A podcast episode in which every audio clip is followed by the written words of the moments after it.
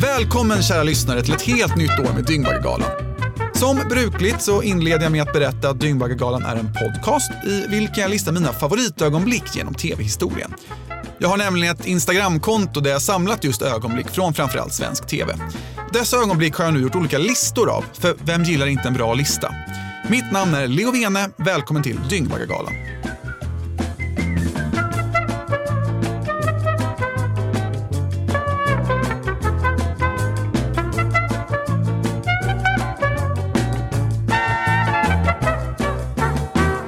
Idag tänkte jag prata om kulturkrockar. Eh, En term som syftar till en kollision där två kulturer möts.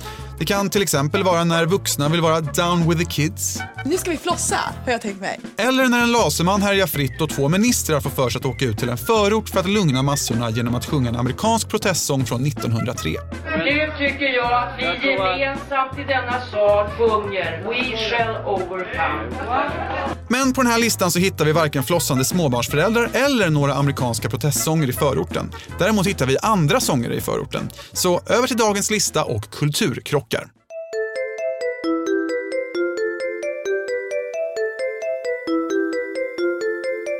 The kisses of the sun were sweet. I didn't blink. I let it in my eyes. Like an exotic drink, the radio playing songs that I have never heard. I don't know what to say. Oh, not another word, just la la la la. It goes around the world, just la la la la. En rätt vanlig och för många till och med socialt accepterad kulturkrock är ju det här när någon som till synes vill väl istället förminskar och exotifierar personen hen pratar med. Det kan till exempel vara när en vit person intervjuar en svart person Hur gör man förresten för att få håret att se ut sådär? eller när en heterosexuell intervjuar en homosexuell. Hur blir man homosexuell? Eller hur blev du homosexuell? Kanske var en dum fråga, men nu är den ställd. Hur blev du? Eller när man heter Malou von Sivers och bjuder in svenska rappare till sitt tv-program. Ja, nu har jag bjudit in Joy Mapata. Ja. Var det rätt? Mbata. Mbata. Det är så härligt att säga. Mm, Mbata. Ja. Eh, sydafrikanskt namn. Ja. Mm, det låter som en trumma nästan. Du, du är ju... Alltså, Mm, Malou. Malou. Malou.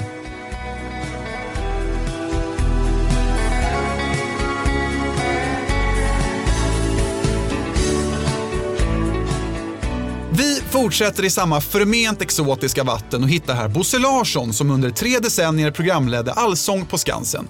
Detta strax innan den omåttligt populära Lasse Berghagen tog över spakarna. Men sommaren 1992 så var det alltjämt Bosse Larsson show och dennes uppgift att dirigera det svenska folket genom den svenska visskatten.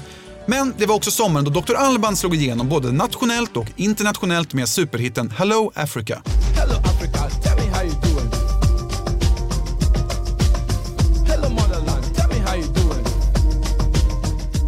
Detta gick ju förstås inte Sveriges Television obemärkt förbi som bjöd in Alban till just Allsången där Bosse, för dagen iklädd ljusblå dubbelknäppt kostym och bakåtvänd keps, så här ser en alltså riktig hiphoppare ut skulle bekanta sig med det nya Sverige. Ja, vi sjunger ju våra gamla fina låtar här uppe på Skansen, men vi skulle väl någon gång förnya oss. Och nu är det ju så här att vi har ju fått eh, några stycken som har flyttat in i det här landet, nämligen våra invandrare. Och eh, nu tänkte vi att vi skulle försöka, jag vet inte, men eh, har ni någon gång sjungit rapping? Hjärtligt välkommen till Dr. Alban som kommer här. Det blev aldrig någon rapping från Bosse Larsson. Däremot var inte Alban sen med att likt Bosse ta klädsedeln dit han kom och dök upp iklädd svensk folkdräkt. Något som naturligtvis roade gamle Bosse. Ja, vet du vad du har för dräkt? Ja, det är från Dalarna. Ja, den är från Dalarna, men var i Dalarna? Själv så kommer du inte ifrån Sverige från början, utan ifrån Nigeria. Nigeria. Men hur länge har du varit i Sverige? Ja, närmare 15 år. Det har du, ja. Ja, 15 år, det är ju praktiskt taget ingenting, eller hur? Nigeria. En annan person som har ägnat tid åt så kallad rapping är den förre inrikesministern Anders Ygeman. Kanske mest känd som ytterst ansvarig för IT-skandalen på Transportstyrelsen som också kom att kosta honom jobbet. Detta sedan sekretessbelagda uppgifter läckt till utländska företag digitalt. Så vad gör man då med en minister vars ministerium havererat med digital hantering? Jo, man utser honom naturligtvis till digitaliseringsminister. Ja, vi ska inte hålla oss kvar vid det, utan vi ska istället gå vidare till hans medverkan i tv-programmet Makt hos mig, där han som utlovat rappade. Vissa kompisar hamnade på dårhus. Vissa kompisar blev chefen för blåljus. Vi sitter här bland miljarder betongblock. Morgon blir till kväll. Men var lugn kompis, den här ministern han är snäll. Jag är ett slott, du är en koja. It's the sound of the police. Förlåt för snut, noja. Jag är inte helt säker på att det är så polisen faktiskt låter.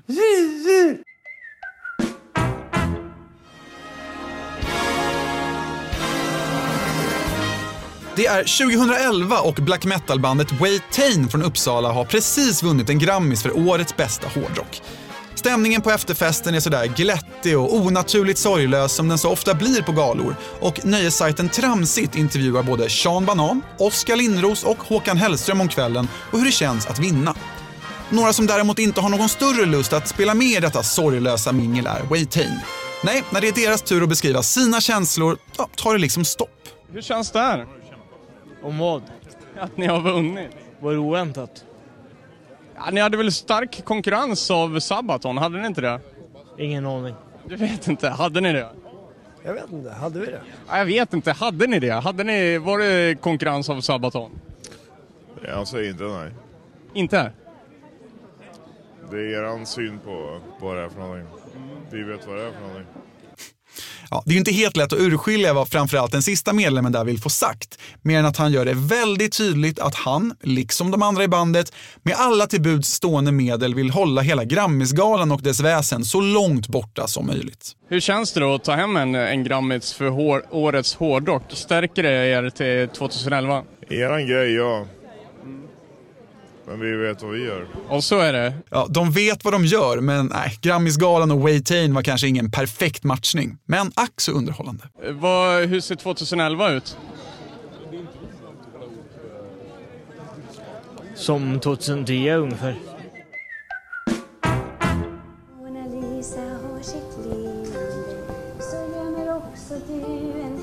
2018 fyller Carola Häggkvists låt Främling 35 år. Det är alltså 35 år sedan som hon stod där på Palladium i Malmö som 16-åring och vann inte bara den svenska melodifestivalen utan också det svenska folkets hjärtan. Detta skulle naturligtvis firas, så Carola tog med sig en gitarrist och begav sig till Husby för att framföra låten på Husbys tunnelbaneperrong. Väl så. När framförandet var över och Carola stod huttrandes utanför tunnelbaneuppgången i sin beigea pälsjacka tillsammans med Expressens utsände reporter så stannade plötsligt två förbipasserande ungdomar till och frågade “Är det Carola?” och Carola svarade Ja, då vill man köra. Hej salam. Det är nämligen så man spontanhälsar på varandra i Husby. Tja. Hej salam. Detta för inte helt osökt mina tankar till när Carola också plankade i Stockholms tunnelbana. Hur gör man nu då? Kan du visa mig? Alltså, du ska väl ha någon form av kort? Det har inte jag. Jag, jag har inte åkt tunnelbana i Sverige på superlänge. Får man planka eller kan du hjälpa mig? Det ska bli jättemysigt. Det här är liksom... De här dofterna, de känner man igen. De är sköna. Det var jättelänge sedan jag åkte tunnelbana. Men det är härligt. Jättemysigt, skönt och härligt. Ja, så talar en sann Stockholmspendlare. På första plats så hittar vi ett av de allra märkligaste ögonblicken jag kanske någonsin förevigat med en svensk kamera. Jag talar naturligtvis om när den grävande mullvaden Jan Janne Josefsson, tidigare uppmärksammad i den här podden för sin sågning av Blondinbellas alkoholvanor, tog sig hela vägen ut till Stockholmsförorten Fittja för Utbildningsradions räkning. Få personer är väl ändå så självbelåtna och övertygade om sin egen personliga street cred som just Janne Josefsson. Åtminstone var det så innan han satte sin fot på Ungdomens hus i Fittja den här eftermiddagen.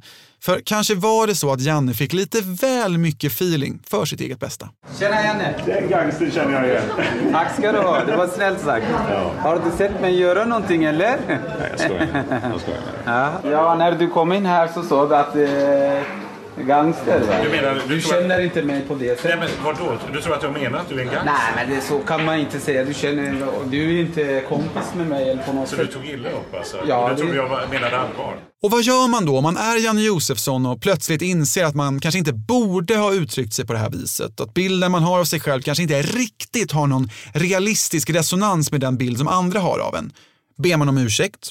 Pudlar man? Nej, inte om man heter Janne Josefsson. Och inte... Nej, men gör du inte det så eh, tycker jag då är det meningslöst. Och, nej, men eh, om du inte är intresserad så tycker jag det... Jo, men det är... Nej, nej, jag- det, det är Då skiter vi i det. jag, behöver inte vara med i... Nej, men om du inte tål det här skämtet så är det liksom... Jag, jag, jag, är, här, jag är här helt frivilligt. Jag tycker att jag har blivit illa bemött nu, för jag skojar och det visste du. Nej. Och du börjar angripa mig Nu för kan att inte jag... du säga till mig att jag har bemött dig på ett dåligt sätt. Det här kommer du till mig och säger den gangstern känner jag igen. Jag är en respekterad person i det här området. Du kan inte säga vad du vill. Ja, det är ju värt att komma ihåg också att Janne Josefsson var där frivilligt. Och där säger vi tack till Carola, Janne och de andra för sina kulturbidrag. Jag hoppas att ni tyckte om avsnittet och oavsett om så är fallet eller om ni kanske tycker någonting helt annat så kan ni kontakta mig på Instagram där jag heter Violene eller Dyngbaggegalan. Vill du se klippen i efterhand så hittar du dem i avsnittsbeskrivningen. Dyngbaggegalan är producerad och utgiven av Novel Studios och jag heter Leo Vene. Tack för att ni har lyssnat. God kväll, Sverige.